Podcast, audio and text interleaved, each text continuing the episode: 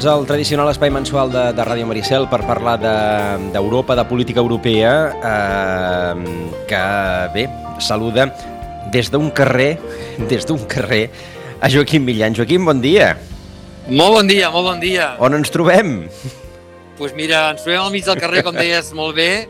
Això ens permet eh, poder connectar-nos d'aquesta manera una mica així molt, eh, molt, eh, com diria, molt casolana, però a la vegada també efectiva. Al final eh, acabem puguem parlar, no? Per, per tant, mm. d'això es tracta, no? Doncs d'això es tracta i avui eh, no anirem atropellats, Albert. Bon dia. Hola, molt bon dia. Uh, L'Albert Balada, que, que ens saluda des d'un de, despatx, eh? Una, una situació sí, més, més còmoda, no? Sí, bastant més còmode. Sí, sí. Albert, uh, la, la, mm, la darrera ocasió que vam poder que vam poder parlar amb vos, mm, bé, bé ens, ens vam atropellar molt amb la, amb la qüestió de les eleccions americanes sí. i, i bé, efectivament, hi ha hagut guerra, tot i que, tot i que al final, més o menys, eh, s'albirava el previst? Eh, eh, bé, eh, la, la qüestió és que és bastant més complexa del que, del que es veu, que aquí recorrim molt als tòpics, hi ha una personalitat molt determinada molt, amb el president que acabarà mandat el 21 de gener. Eh, en realitat, sí que s'ha subvertit una mica la, el sistema, el sistema electoral nord-americà, perquè, que, que, és, que és el que anava dir el president, però el que passa que no, no l'entenien bé per la seva manera d'expressar-se. No? Eh, eh, als Estats Units hi ha un sistema de registre previ. Eh, quan tu has incorporat un sistema de vot eh, per correu massiu, eh, aquest registre previ pot haver-se alterat, que és, que és el que ell venia a dir, però que des d'Europa no ho enteníem gaire bé. Clar, com ho pots arribar, acabant demostrant això? molt complicat, que és el que li deien fins i tot els seus. Eh, és molt difícil de provar tot això, hauríem de fer, fer l'encaix del vot amb el, amb el registre previ, estem parlant de milions de votants, deixem-ho estar. Si t'hi fixes, això que t'estic dient mm. jo eh, és el que li, ens arriba que li diuen. Deixem-ho estar, ens és molt complexa, però diguem, a, a, aquest puntet de frau electoral hi és. Eh? No, no, no, no és per jo ser trompista, per dir-ho d'alguna manera, però eh, eh, tot plegat, és a dir, com la situació en la que estem, el que és la, la, la pandèmia en general, el que ha forçat a fer una, un, un sistema electoral una mica diferent, ha alterat la tradició del vot nord-americà. D'acord, és a dir, que al final la, la, la, eh, la necessitat d'haver de votar en plena pandèmia ha provocat que es pugui subvertir en certa mesura la, mm, doncs això, el, el, el tradicional sistema, que és un sistema molt pautat. Efectivament, pautadíssim. És dir, si, entre altres coses, perquè el fet de que ha un registri per anar a votar als Estats Units no només és, és registre de vot, eh, suposa que formaràs part dels jurats, eh, quan se't convoqui, que formaràs part probablement de la Junta d'Escolars, que és un, és un organismes molt importants dels Estats Units, vull dir, afecten moltíssimes més coses, no? Clar, mm, ha saltat una mica pels aires tot això. Segurament es reconduirà, no? Però, però els, eh, eh, les persones que han votat per correu no s'han hagut de registrar prèviament, aleshores? Clar, eh, com que es va fer un, un enviament massiu de, de, de vot per correu, eh, si jo rebo el vot per correu i no m'havia registrat, però com que jo l'he rebut i vaig a votar, doncs no passa res perquè a més l'he rebut, l'han enviat i a l'enviar-me'l puc, puc dipositar-lo a les oficines de correu. Enteneu? Vull dir, és una mica... Eh, diu, doncs hi ha hagut voluntat de frau? No ho sé però, no, però ha passat això. No hi ha hagut la, la, la possibilitat de, de poder eh, doncs comparar les dues llistes perquè estem parlant de milions de persones. Efectivament, efectivament. Mm. Estem parlant de milions de milions de persones i llavors és, és complicadíssim perquè eh, fixeu-vos que és un dels comentaris que feia el president sortint, eh, tornem-les a fer.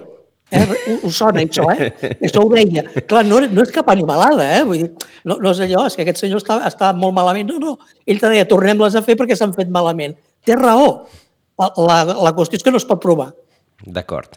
I allò que no es pot provar, mm, doncs difícilment doncs, té recorregut. Aquí ens queda, que, que, és, que és el que queda, el, 20, el 21 de gener hi haurà un nou president, està clar. Ah, està clar que hi haurà un nou president i aquest president, anava a dir, és bo o és dolent per naltros? A, veure, han començat a canviar les coses de...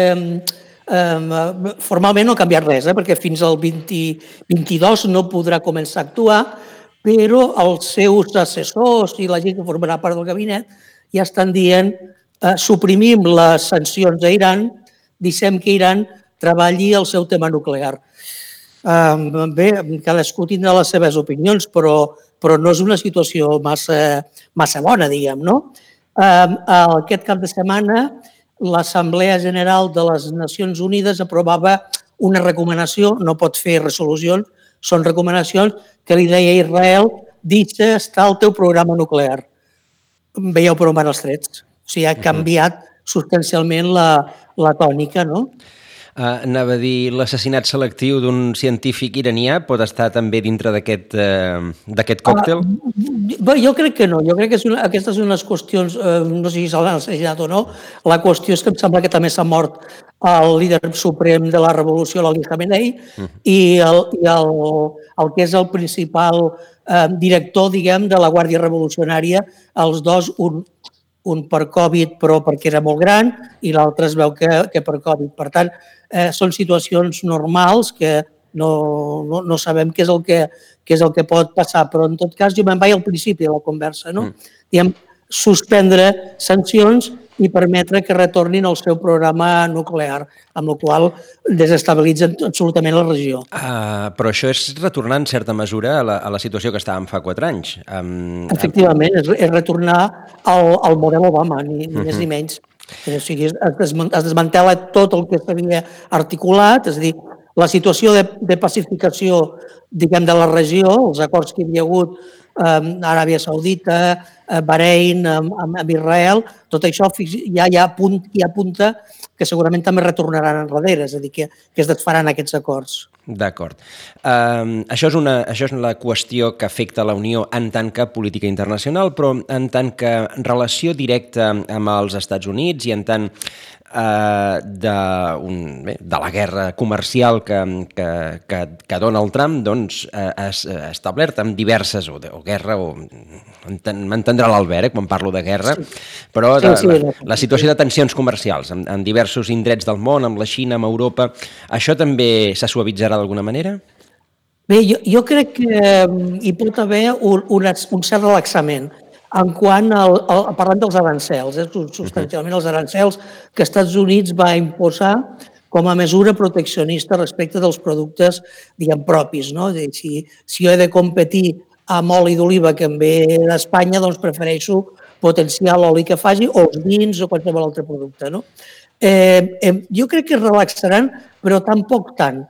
Eh, la tendència, des d'un punt de vista de l'opinió publicada, és, és a veure grans diferències entre les presidències dels Estats Units. És a dir, quan una presidència és demòcrata, sí que eh, posa el focus sobre determinades qüestions, però quan és la qüestió econòmica, quan és la qüestió que afecta l'economia del propi país, igual no hi ha tantes diferències. Per tant, igual els arancels eh, es retoquen una mica, es rebaixen una mica, hi ha una certa màniga ampla, però ja, ja estan posats els arancels no es discuteixen des del punt de vista de l'establishment nord-americà. Per tant, només hi pot haver allò reposicionaments. No? Dius, si eren el 25, deixem-les al 10, per dir-ho d'alguna manera. Uh -huh. Ho estic inventant, eh?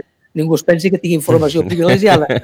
Però és, és el que podria acabar passant, no? que tinguéssim doncs, algun moviment i d'aproximació, jo no diria tant cap a, cap a Espanya, que és on nosaltres estem, sinó cap a França i cap a Alemanya, que són les dues potències amb les que es relacionen.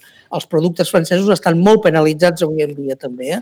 Per tant, uh -huh. podria ser que hi hagués una certa, una certa aproximació. Uh -huh. I en política de defensa, eh, Trump havia estat eh, molt beligerant amb la no contribució d'Europa de, eh, en, la, en el finançament de l'OTAN. Mm, això també pot canviar? Uh, és, és aquelles qüestions qüestions que us deia abans, que mm, hi, ha, hi ha hagut algú que ha tingut doncs, la valentia no? de, de fer-ho, perquè en realitat el Trump tenia raó i pot tornar a semblar que sigui trumpista, uh mhm. -huh. però eh, els Estats Units estava finançant realment l'OTAN perquè els països europeus no hi posaven un duro. Sí que per obligació tenien l'obligació uh, no sé si era de l'1 o 2% del producte anterior brut, eh? Vull dir, ara no sé si serien les xifres exactes, però no, no ho posaven. Els Estats Units era la que estava finançant, aportava tropes.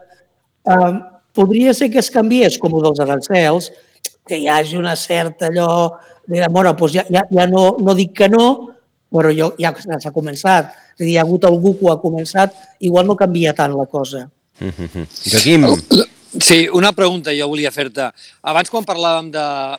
Uh, quan parlaves una mica amb la, la pregunta que t'ha fet el Joan de si canviarà molt la, el que seria les relacions comercials i econòmiques, dis tu has posat l'accent amb el tema econòmic uh, amb la Unió Europea, la meva pregunta va una miqueta més enllà. Tu creus que es podrà reemprendre aquell tractat eh, que era el TTIP que mm, tanta polèmica va generar eh, fa ara relativament un, uns anys, que al final no es va signar. Tu creus que es podia reemprendre un acord macro eh, entre la, la Unió Europea i els Estats Units eh, en aquest nou període?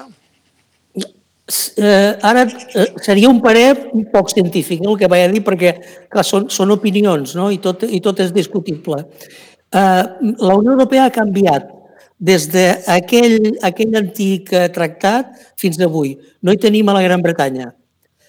Um, no tenim a la Gran Bretanya, que era el principal, diguem, avalador d'aquest acord, eh, hi pot ser o no hi pot ser. És possible que hi sigui, eh? teniu en compte que el, el perfil polític, no personal, però sí polític, de Biden eh, és molt pròxim a la consellera Merkel i, i a Emmanuel Macron, els presidents, un president i l'altre primer ministre, no? Um, podria ser que s'hi donés, no? Hi ha, hi ha unes circumstàncies de, de proximitat, però ja dic, a mi em falta aquell aval britànic que ara no hi serà mm, i suposo que també intentaran torpir-lo tot el possible eh, no podrà torpedinar perquè ja no hi és a la Unió, però l'entorpirà o, diguem, recomanarà tot el possible. Eh, jo crec que anem amb un altre tractat, jo crec que anem amb un altre model de relacions. Eh, serà possiblement aquell, aquell que ja teníem, però fet d'una altra manera. Uh -huh. És a dir, que... És opinió, eh? No tinc dades científiques ni, mm. ni puc saber perquè no tinc informació al respecte. Uh, bàsicament, uh, encara que uh, amb, amb les formes es podrà tornar, en certa mesura, uh, uh, a la situació d'Obama, però um, el món quatre anys després uh, per Trump i per altres coses que han passat és diferent i per tant doncs eh, mm, encara que retornem a, a formes Obama mm, no voldrà dir que retornem a la política tal i com estava fa quatre anys. És que no, no, jo crec que no podem retornar, i a més ho has dit bé, no, no només és tram, eh? Uh -huh. Teniu en compte que la, la situació econòmica mundial, eh, l'OCDE estava donant dades i bé, eh, mm, calcem-nos, eh, perquè la cosa està bastant malament. Quan l'economia xinesa està costant l'1% del producte interior brut, és a dir, de creixement, eh, vol dir que ja comença a estar bastant malament l'economia xinesa. Una economia que havia estat al 4, al 5, al 6, al 7, al 8, i que quan estàvem força malament estava al 3,5. Um, per tant, anem en compte que les nostres economies estan per sota de zero i l'economia espanyola es maquilla moltíssim i estem a l'11 i al 12%, jo crec que estem al menys 20% amb, amb dades amb dades, diguem, pròpies, eh? Uh -huh. eh estem molt malament. Diguem, la situació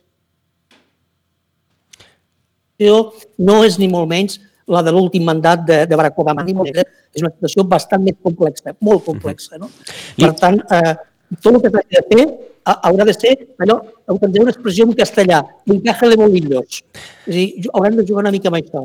Albert, eh, li demanarem una cosa. Eh, si pot desactivar la càmera perquè eh, perdem en algun moment la connexió i així eh, ens interessarà ah. no perdre d'aquesta manera tant eh, que, que en algun moment es perd i llavors, Val, si podeu desactivar la càmera... Eh... Uh, està activada, em sembla, no? No, continua, continua no, activada, continuo. a la part de baix. Uh, sí, a la part de baix. Ah, exacte, perfecte, ara sí. Ara doncs... està desactivada. No, sí? ara l'heu tornat a activar. Ah, ah està, ara perfecte, perfecte. molt sí. bé. Joaquim. No, jo uh, també ah, una altra sí, cosa, una, una altra cosa que ara... Sí, sí millor, perfecte, millor, perfecte. Albert. I dic, ara una cosa que mm, també comentava l'Albert, eh, vam començar l'any parlant de Brexit i amb el que ha passat els últims dies, que ha quedat una mica en segon termini, però ha tornat a estar sobre la taula, acabem, parlant també de Brexit. Recordem que es va prendre la decisió el 31 de gener, efectivament, d'aquest any, que els britànics marxaven, eh? però durant tots aquests mesos eh, que hem estat una mica, evidentment, liats amb el tema de la Covid, doncs no hem seguit massa el que ha passat eh, amb els pactes que tenien que haver-se resolt i que sembla que també en l'últim moment eh, al final s'ha arribat a un acord, no? abans del 31 de desembre, que també era una altra data eh, molt important. Com valores tu l'acord final que s'ha arribat amb el Boris Johnson? Bé, tu, us parlarà dues persones. Us parlarà Albert Balada, politòleg, que us diria fantàstic, s'acompleixen els terminis, uh -huh. i us parlarà Albert Balada, ciutadà de la Unió Europea, que dius, això és un cachondeo. Val. Ara us, ara us faig l'aclariment del per què aquesta opinió que no puc dir com a politòleg, no? Tot li agri. en realitat, el que, el que, està, el que ha passat eh, era, era fer veure que, que Gran Bretanya no, no acceptaria tenir una frontera privilegiada amb Irlanda.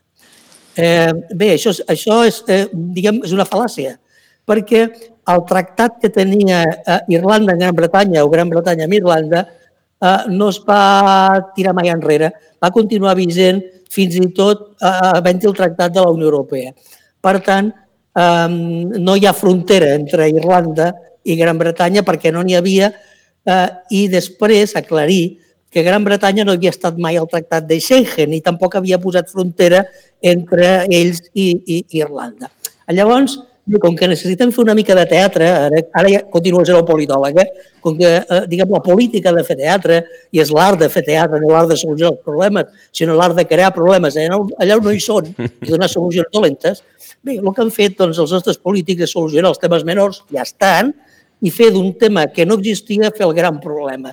Bé, ara arribem i eh, bueno, avui em sembla que Boris Johnson ja se'n va cap a Brussel·les, allò fer l'enquesta de demans per la fotografia, eh, perquè ja està solucionat el tema d'Irlanda, que ja estava solucionat des de feia dècades.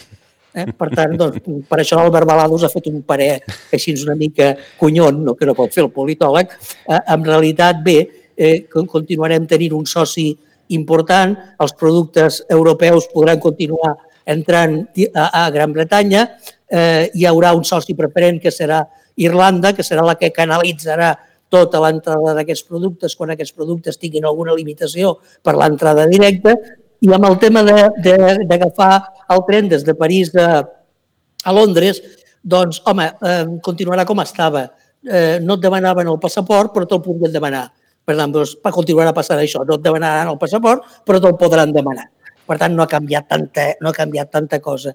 Però el teatre europeu, aquí, perdoneu-me que sembli que sigui, diguem, antieuropeista, que no ho soc, em coneixeu, soc europeista convençut, però el teatre europeu i el teatre britànic estava demanant, doncs bé, apurar fins als darrers dies i, bueno, una setmaneta abans arribem a l'acord. D'acord, uh, perquè, uh, i lligant amb el que comentava uh, en Joaquim, uh, quan començava l'any mm, li demanàvem a Albert Balada mm, previsions per aquest 2000, 2020. Òbviament, uh, aquest any ningú hagués guanyat la loteria amb les previsions que ningú va fer, perquè ningú s'esperava que, el, que el bitxet que va venir de la, de la Xina, com deia Trump, eh, doncs ens acabés condicionant absolutament la, la nostra vida per molts mesos. Uh, quin, quin, quina valoració podem fer uh, d'aquest 2020 i, quina, uh, i com acabarà condicionant la, la nostra vida doncs, la sortida del bitxet? Uh, a veure, us he de parlar des de la meva expertesa en intel·ligència artificial i direu, i què té a veure la intel·ligència artificial amb això? No sóc tecnòleg, eh? us parlo com a sociòleg ara en aquest moment, no? Uh -huh Bé, s'havia de produir un moment de transició eh, de, la, de lo que alguns en diem de la quarta a la cinquena revolució industrial. Bé, aquest moment de transició havia de ser duríssim, eh? a més, perquè desapareixia, potser us he parlat alguna vegada aquí, desapareixia el que nosaltres en diem el factor treball. Bé, el bitxet ha vingut a ajudar-hi. Ajudar-hi en el sentit de eh, la desaparició del factor treball en aquell moment de transició hauria estat pura i dura, per tant, els estats no haurien assumit res i, i ara nosaltres ho hem entès. Eh, una explicació molt breu i que el, els nostres oïdors entendran. Eh, tothom entén que s'hagi d'ajudar l'hostaleria, que s'hagi d'ajudar els autònoms, que s'hagin fet els ERTES, eh, queda, queda molt clar, no? Gràcies al mitget. Diguem, home, però com pots dir això? Sí, perquè en molts casos eh, hi, hi eren indústries en procés de reconversió, amb, amb, que, que, que, que tendien a desaparèixer aquest factor treball que us deia. Per tant, allò que potser no s'hauria entès en un altre moment, de dir, escolta, si cau l'empresa i tu et quedes sense feina, doncs el temps d'atur que et toqui i després buscar la vida, ara en aquest moment, gràcies al bitxet, ha funcionat d'una altra manera. Per tant, ja, ja sé, eh, pot semblar, però què està dient? Aquest home està boig. O sigui, estem en un moment de, de, de, de pandèmia mundial, epidèmia local, i ens està dient que gràcies a... Bé, ha, ha fet precisament que es difuminés aquest procés de transició. Quan alguns sociòlegs li escolteu a dir que res tornarà a ser igual, no és discurs polític, és que res tornarà a ser igual. O sigui, hi haurà moltes empreses que es transformaran, molts treballs que desapareixeran. Per culpa de la Covid, no, perquè ja estava previst que desapareixessin amb aquesta transició de la quarta a la cinquena revolució. Per tant, és una, aquells elements que venen a ajudar-hi. Dius, home, però hi ha morts, no ho diguis això. Val, però venen a ajudar-hi. D'alguna manera ens venen, ens venen a ajudar. Llavors, quan s'acabarà? Això sí que ja no ho sé, o sigui, com a sociòleg no us ho puc dir, però imaginem atenent el que, el que em pot dir, per exemple, el meu bon amic Salvador Massip o el que pot dir algun altre, algun altre científic, eh, posem-hi dos o tres anys, no? Bé, són aquests dos o tres anys que alguns havien aventurat de període de transició. Eh, no sé si heu, heu escoltat o llegit, és que els taxis a Barcelona podrien volar a l'any 2022. Eh, sabeu el que representa això, no? Que volin els taxis. Vol dir que els taxis siguin autònoms. No, no autònoms de persona autònoma, no, no. Autònoms vol dir conducció autònoma, que no tinguin conductor um, a Dubai, la policia de Dubai funciona amb motos que volen um, i, i tenen algun policia que ja no és un policia humà. Um, anem amb això. Clar, fixeu-vos el canvi, us estic posant tòpics eh, perquè, perquè la gent ho pugui entendre. Aquest canvi, si no s'hagués produït el tema de la Covid, hauria sigut encara més bèstia. La transició, no el canvi, la transició. Per tant, d'aquesta manera ens estem ajudant tots. Els estats que tenen perfil socialdemòcrata, que són tots els estats, diguem, europeus, o sigui, van, a, a, els, els liberal-democràtics tenen aquest perfil socialdemòcrata que vol dir que l'Estat ha d'ajudar, s'entén que l'Estat ha d'ajudar, doncs ho està fent, o en un altre moment no ho hauria fet. Una transició pura i dura hauria estat, mira, fem transició i el que quedi fora, quedi fora. Ara, gràcies a la salut, podríem dir-ne, eh, queda gent fora, evidentment, eh? però queda menys gent a fora de la que quedaria. D'acord. Perdoneu-me l'expressió tan bèstia que estic fent, eh? perquè dius, ostres, aquest, aquest està parlant de 30.000 coses alhora, no? però és per intentar fer-ho entenidor. Uh, el que passa és que uh, a, la, a la pràctica ens esteu definint que el, el món que, que sortirà quan ja tots estem immunitzats eh, no tindrà gaire a veure amb el món mm, d'uns quants mesos abans que que és que quan va arribar aquesta pandèmia. Uh, un, det un detall més senzill. Us imagineu, us veieu com estem fent l'entrevista avui nosaltres? Sí, aquí? no ho havíem provat mai, això, Albert. Teniu uh, raó.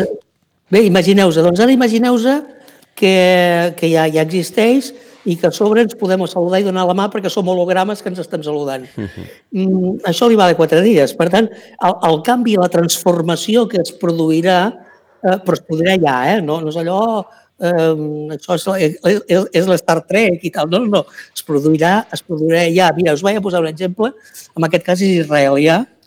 Eh, ja s'està produint carn eh, cultivada per evitar ja tindre que matar animals, eh, tot això, no?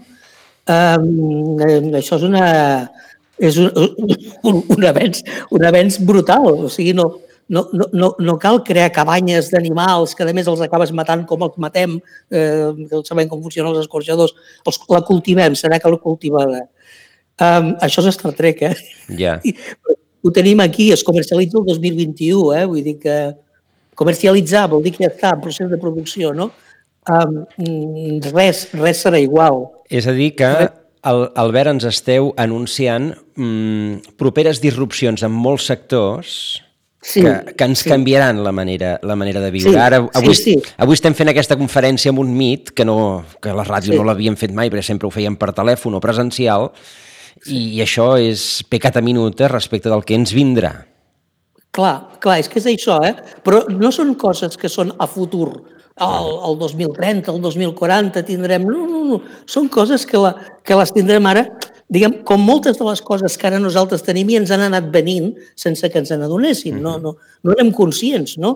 De, de que tenim un telèfon, uh, un telèfon, un ordinador a la butxaca amb el telèfon mòbil. No?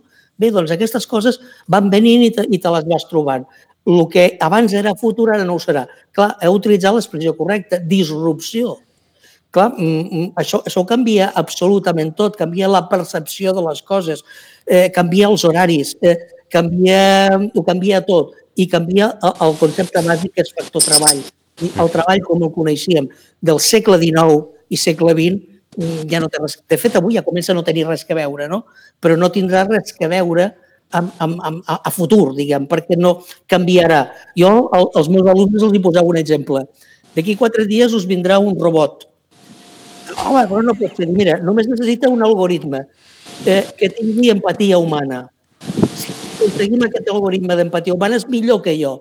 Entre altres coses, perquè no tindrà buits d'informació, perquè a vegades no te'n recordes de les coses, ell no les tindrà. I, a més, tindrà una informació tan bèstia que em superarà.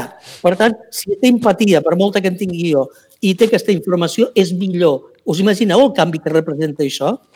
Però és que això ja hi és, eh? No, no és algo que sigui a futur. Doncs, eh, Albert, nosaltres preferirem continuar trucant-vos a, a vos que al robot, oi? Uh, a partir de l'any que ve. Però, uh, però això serà, serà, serà el bo, que podem continuar parlant, el robot farà la feina.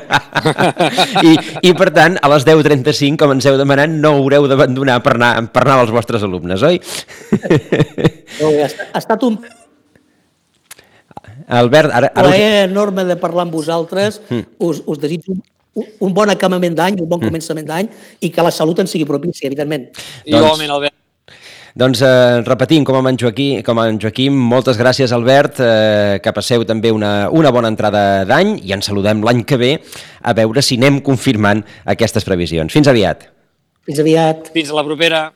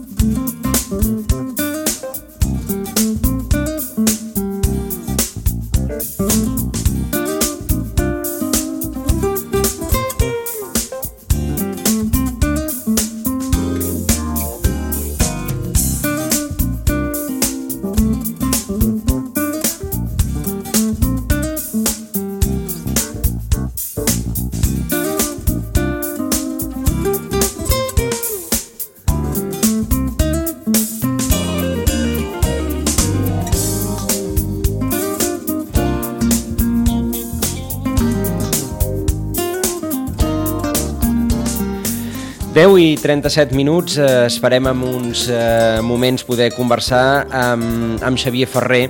Hem volgut també eh, incorporar-lo via telefònica en aquesta, en aquesta conversa, però de moment no, no se'ns ha connectat. Per tant, doncs, eh, potser haurem de fer la conversa amb Xavier Ferrer via telefònica i no sabem si aleshores serà en Joaquim Millan qui, qui ens podrà corre, eh, eh, escoltar.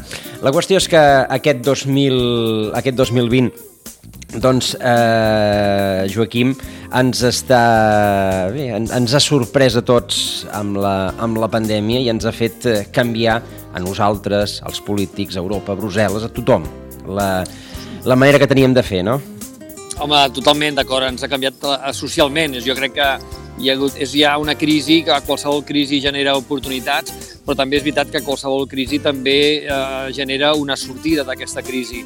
El problema és el cost de la crisi, no? que no el volem pagar i, evidentment, quan estem parlant d'una crisi sanitària que suposa, com tu deies abans, Joan, doncs, eh, el patiment el patiment físic i les morts, no? que també, evidentment, això també ens genera també un impacte emocional. Però és veritat el que deia l'Albert eh, de, des d'una perspectiva totalment objectiva i escèptica, eh, distant eh, de la realitat quotidiana, com eh, aquesta pandèmia doncs, està accelerant. Eh, jo deia que l'altre dia llegia un article que deia que està accelerant allò que fins fa poc coneixíem com la digitalització, l'està accelerant per set. És a dir, eh, aquests mesos hem, hem corregut set vegades el procés de digitalització econòmica, de l'administració pública, de l'àmbit social, de l'àmbit també i el sector eh, dels agents eh, econòmics, etc l'ha accelerat per set en aquests darrers mesos. No? Això també vol dir que, que clar, com deia molt bé eh, l'Albert, eh, les feines canvien, els treballs canvien, la manera de, que, de, de fer un negoci canvia, la manera d'interactuar amb el consumidor canvia. Ara, quan anem també a, a, a la restauració, doncs, veiem que, que això ha canviat. Hi han coses que no ens agraden, a mi no m'agraden, però hi han coses que també són avenços, que penso que també, eh, si es queda el bo, com diem sempre, eh, si el bo es queda, doncs benvingut sigui aquests, aquests canvis que, i aquesta transformació, com deia l'Albert, que, que en aquests moments, eh, amb una, amb, amb una, per una banda, estem patint, però per una altra banda eh, també eh, estem veient que ens està canviant el món molt ràpidament i, i, i, ells, i ell ha posat tres o quatre exemples, no?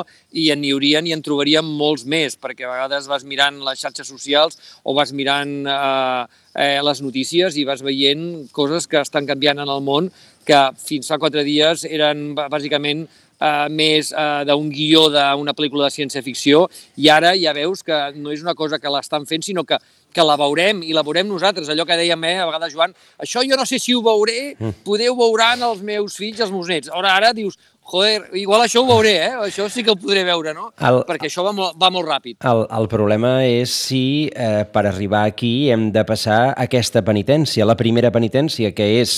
Està mm, clar, està clar. Doncs l'emergència sanitària, i la segona penitència, que probablement eh, sigui la, la crisi econòmica després d'aquesta aturada en sec de bona part de la nostra activitat.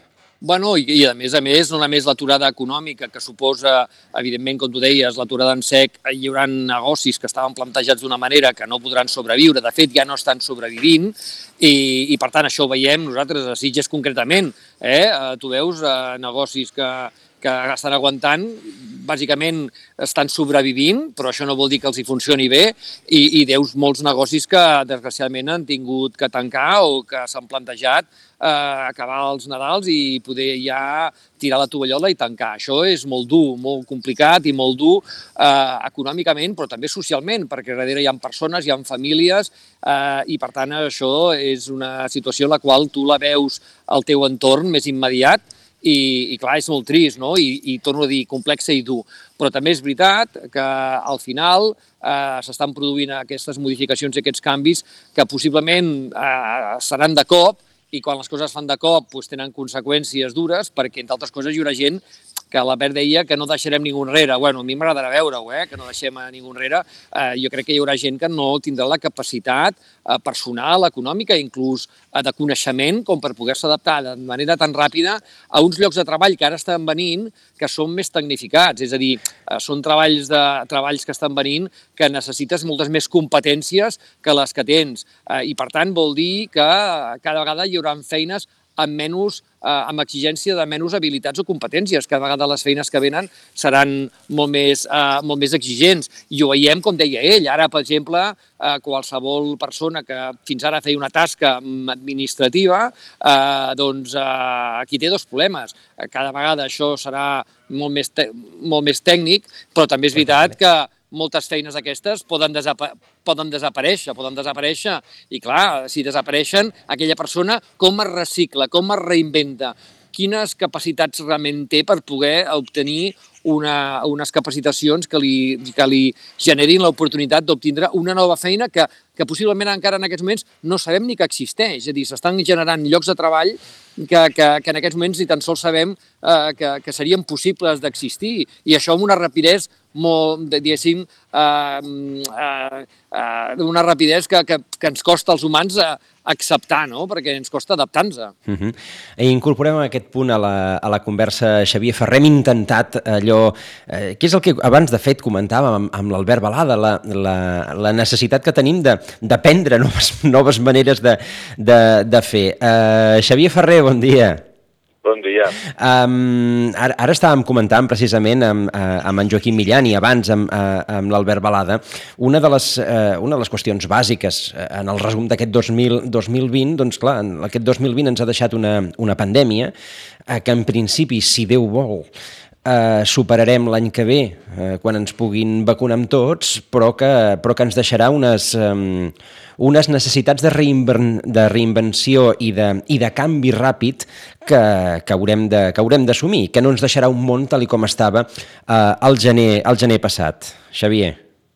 Sí, sí, és així. No ens, no ens el deixarà ni des del punt de vista econòmic, uh -huh. ni des del punt de vista social, i, per el que em preguntes, des del punt de vista tecnològic que aquesta pandèmia el que ha provocat és que, que tots hàgim hagut de fer un, cursos accelerats de, de tecnologia, de comunicació i, i el que previsiblement hagués passat en 6 o 7 anys ens ha passat en, en 6 mesos, no? Això, mm. Aquesta comunicació per Zoom o altres, o altres tècniques que, d'alguna forma, han, han minoritzat els efectes de la pandèmia, perquè han permès la comunicació. Uh -huh. el, el que passa és que eh, fa un moment Albert Balada ens comentava que, que probablement hi ha moltes, hi ha moltes tècniques eh, que, que la, la pandèmia ens ha obligat, una d'elles és la qüestió de la, de la comunicació, la qüestió tecnològica, però, però n'hi ha d'altres que, que estaven esperant el seu moment i que, i de, que de cop doncs, s'han doncs, trobat en l'oportunitat a partir eh, a partir de la pandèmia. Però ara ho comentàvem amb en, amb en Joaquim. Eh, com a societat, i a Europa i a tot el món, eh, primer hem passat una primera penitència, o l'estem passant encara, que és la crisi sanitària, els morts, eh, tot el problema que, de salut que, que ha provocat en si la, la Covid, i per altra banda, doncs, eh, la penitència econòmica amb el tancament de l'activitat de moltíssims sectors i, i la dificultat que hi haurà en, en, una, en una represa. És a dir, que, que aquí hi ha un còctel de, de millores per una banda, però també, però també de traumes que, que haurem de superar aquest 2021. Oh, I tant, està claríssim que és així, és, eh, i les empreses i a nivell de, de famílies i ciutadans doncs, eh, estan patint i han patit i patiran en el, en el futur immediat els efectes no? d'aquests tancaments i de, i de tot plegat. No? Llavors, per això també eh, s'ha fet, va costar fer-ho, però al final es va aprovar aquest, aquest gran acord europeu de 750.000 milions, que ara s'està debatent en aquesta setmana clau, a veure si, si es aconsegueix l'acord d'Hongria i de Polònia per tirar-ho endavant, i que a l'estat espanyol han d'arribar a 140.000 milions. I ah. això ha de pal·liar, ha d'arreglar, ha de venir eh, no tant a salvar que també empreses, sinó a preparar-les pel futur, per aquest futur que la pròpia pandèmia ha accelerat tecnològicament. Eh, I per això eh, les inversions es, es faran amb, amb, amb conceptes de sostenibilitat i també de noves tecnologies o digitalització. Uh -huh. Al final aquests, aquests fons europeus eh, van, van patir el bé, fa, fa unes setmanes sobre un possible bloqueig de, de Polònia i Hongria. Sembla que, que aquest bloqueig no es produirà perquè la Unió ja, ja s'ha mogut ràpid per, per, per buscar altres fórmules d'espantall per, per evitar aquest, eh, aquest bloqueig. Per tant, d'alguna manera, eh, es regarà el camp amb aquests diners. Sí, és així. A veure, eh, que seguís el bloqueig seria un, un, una pèrdua per la Unió Europea i, i pels estats que bloquegen, que és Hongria, Hongria i Polònia, per tots els estats, perquè Hongria i Polònia també són estats receptors d'aquests diners. Per tant, eh, es trobarà una solució, vull dir, és, és eh, clara. I després eh, ve el procés d'aplicació en els diferents estats d'aquests fons, els quals eh, hauria de ser el més transversal possible i que anessin a ajudar en la, en les parts de l'economia i de les famílies més afectades. Quan dic transversal vull dir que participessin en la petició d'aquests fons tots els sectors econòmics afectats i no només es fes des d'un despatx, en el cas espanyol des d'un despatx de la, del govern espanyol, diguéssim. No? I, I què creieu que, que passarà, Xavier? Doncs eh, es passarà una mica de cara, no? Eh, es, es verbalitzarà molt, ara parlo més de l'estat d'aquí, eh? De, Sí, sí, correcte. De l'estat espanyol, que, que es verbalitzarà molt des del govern de què hi participen les autonomies i de què preguntaran els sectors, però per altra part eh, ho, ja han creat, o sigui que el control serà des de la pròpia presidència del govern, amb la qual no diu gaire a favor, no? de que es diu una cosa i al final segurament es farà una altra, però, però sí que, que, que d'alguna forma sí que ens deixaran participar. Jo em preocupa una mica que no hi deixin que, participar també en les administracions o que no sigui tan clar com si podran participar i en quina mesura les administracions que estan més properes a la ciutadania o les empreses petites, que són els municipis, uh -huh. els ajuntaments. Aquests també haurien de, haurien, de, haurien de poder fer això. Però a mi em preocupa més encara una altra cosa, que és que en els diferents anys que hi ha hagut fons europeus, eh, l'estat espanyol és un dels estats europeus que menys els ha sabut aprofitar. O sigui, perquè estan dient... Què vol dir això? Que a vegades s'han aprofitat amb un 30%, amb un 40% dels fons que, que, que previsiblement o que estaven destinats a l'Estat, doncs els projectes que s'han desenvolupat només han gastat o han utilitzat aquest un 30 o un 35% dels fons. Aquí seria una llàstima que passés això perquè tenim uns fons, uns 70.000 milions de, de transferències, que vol dir que són fons que no s'han de tornar, i, i uns 70.000 més de milions que sí que s'hauran de tornar en, préstecs nous, com a mínim els primers haurien de ser capaços de, de poder, de poder disposar-los tots i aplicar-los. Uh -huh. Joaquim, Bé, jo, eh, de fet, ara estava escoltant en el Xavier i estic totalment d'acord. No només eh, l'estat espanyol és un d'aquells estats que rebent molts fons no els ha sabut aprofitar, sinó que, a més, eh, jo sóc crític, els que ha utilitzat també hem vist que no els ha utilitzat bé, que seria la segona, la segona Sí, sí, cosa clar. que és negativa i, per tant, també d'aquí de- d'aquí aquesta, aquesta manera de, de, de, de, de dins que ens deixen els diners però que ens controlen, etc etc. Que, que nosaltres des d'aquí també ho hem demanat, ens sembla molt bé perquè tampoc confiem massa en la nostra administració en quant al seu bon ús. No? A partir d'aquí, jo també voldria fer una segona qüestió. Penso que tu has obert una porta important, i és a dir, jo crec que la, hem de, a mi m'agradaria reivindicar el paper dels governs locals. Els governs locals amb la Covid han demostrat perquè són els que han estat al final al peu del canyó, han sigut més o menys tots els que han donat resposta perquè tenen territori i ciutadania justament al davant i han, i han acabat gestionant eh, aquesta crisi molt millor que administracions de tipus eh, regional o comunitats autònomes e inclús estatal. No? Per què no també se'ls dona l'oportunitat en aquests moments en els governs locals de gestionar part d'aquests fons de manera directa quan coneixen exactament el territori, coneixen les empreses del territori, coneixen les necessitats del territori i, a més, al tindre la ciutadania molt a sobre, sempre tenen eh, la, la tenen tenen l'obligació de fer un bon ús, perquè realment la relació amb la ciutadania és tan estreta que realment no es poden permetre, un, entre cometes, un mal ús. Té que haver-hi un molt bon ús perquè ràpidament eh, tenen eh, la ciutadania i els agents econòmics i socials molt a sobre controlant també com es produeixen eh, els projectes que es fan en l'àmbit més eh, eh, proper a la ciutadania, que és l'àmbit local. Jo crec que aquí hi hauria també una oportunitat pels governs locals. No sé què en penses tu. Sí, sí, és- jo, ho he- jo ho he dit abans, està clar, és, és que és eh, per, la, per la definició clara de que és l'administració que està més propera a la ciutadania i a la majoria també de les empreses que, que, i en l'àmbit de, de, de casa nostra, de Catalunya, que de les empreses petites, de les pimes, que la majoria són eh, molt properes també al, al concepte de família o, o de dos o tres famílies, no? Per tant, i també, òbviament, del mateix municipi. Per tant, eh, hi hauria d'haver alguna manera, algun mecanisme que d'alguna forma et diuen que sí que hi és, però jo per lo que sé, eh, els ajuntaments encara ara no els hi ha arribat la manera de poder participar en la distribució o hasta a la petició d'aquests fons. uh -huh. I això crec que seria molt important que, que s'aconseguís. També els governs, com diu el Quim, de, de comunitats autònomes i sobretot i sobretot els sectors més afectats, el sanitari eh, i, i sectors eh, eh, restauració, que han estat, i altres que han, que han hagut de, sense que sigui per voluntat pròpia, sinó per, per qüestions sanitàries, han hagut de tancar el negoci, no? Tancar, vull dir, momentar, parcialment o momentàniament. Mm -hmm. uh, Xavier, sou, sou economista, els... Uh, la caiguda del PIB eh, d'aquests mesos per la pandèmia, pels tancaments, ha estat eh, molt important. Creieu que eh, la inversió d'aquests fons europeus eh, permetrà una recuperació ràpida que ens deixi en la situació més o menys anterior o, o res ens pot evitar eh, una, una crisi de mm, curta, mitja o llarga durada?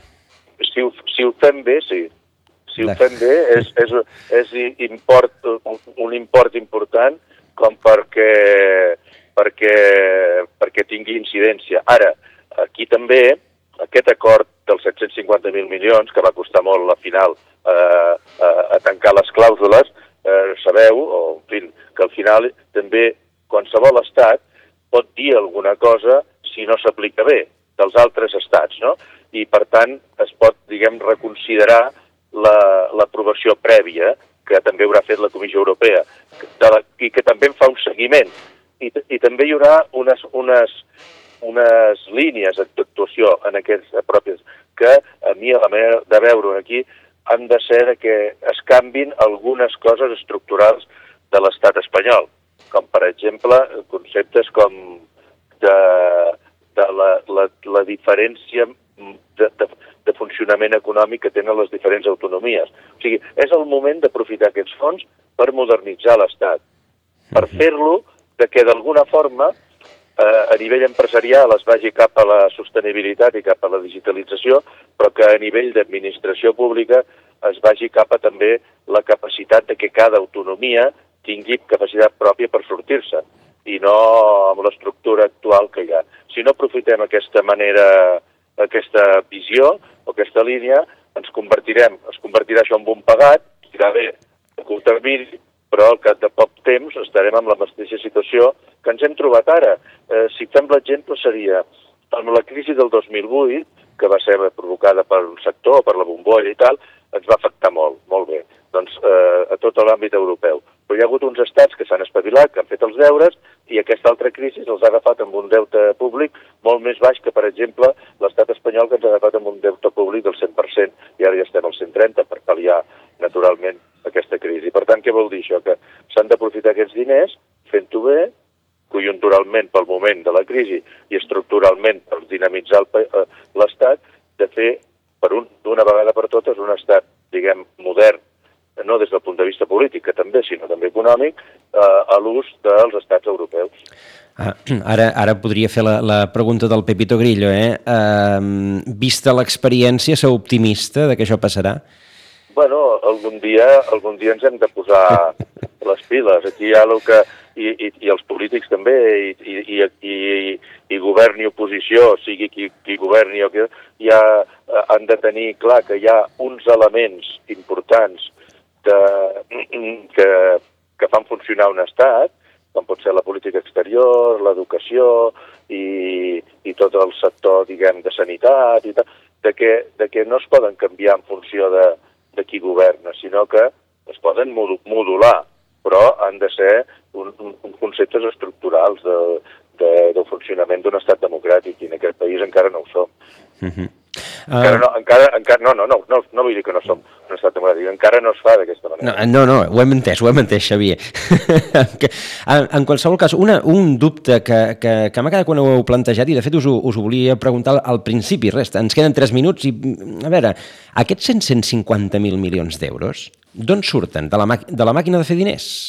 No, no, no, no, no. Els que surten de la màquina de fer diners són 1,35 bilions que fa el Banc Central Europeu, que també ajuda, uh -huh. aquests ja són operatius, ajuden els estats europeus eh, perquè que necessitin fons per, aquest, per aquesta crisi. Els 750.000 milions és que per primera vegada a la història de la Unió Europea eh, la Comissió Europea, la, la, la Unió Europea, irà als mercats a buscar 750.000 milions i, evidentment, aquests diners s'hauran de tornar i es tornaran de l'any 2027 fins al 2058.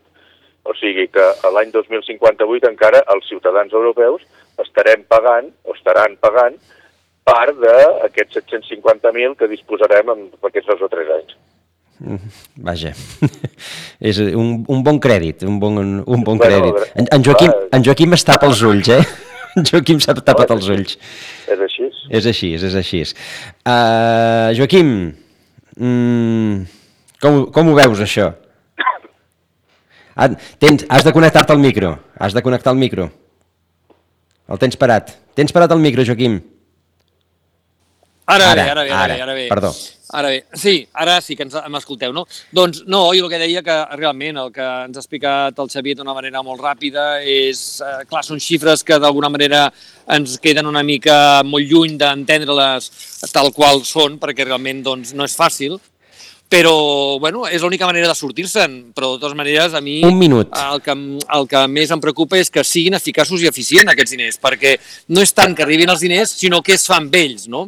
I aquí és una mica a la, a la pregunta que ens fem tots, no? Vull dir, eh, tots ja estem disposats al sacrifici fins a l'any 58, com deia el, el Xavier, no? De moment, Joaquim, de que, moment, Si, que amb- siguin eficaços i eficients. Perfecte, en parlarem, en parlarem l'any 21. Uh, uh, Xavier Ferrer, moltíssimes gràcies per aquesta estoneta. En parlarem també l'any 21, si Déu vol. Molt bé, gràcies a vosaltres.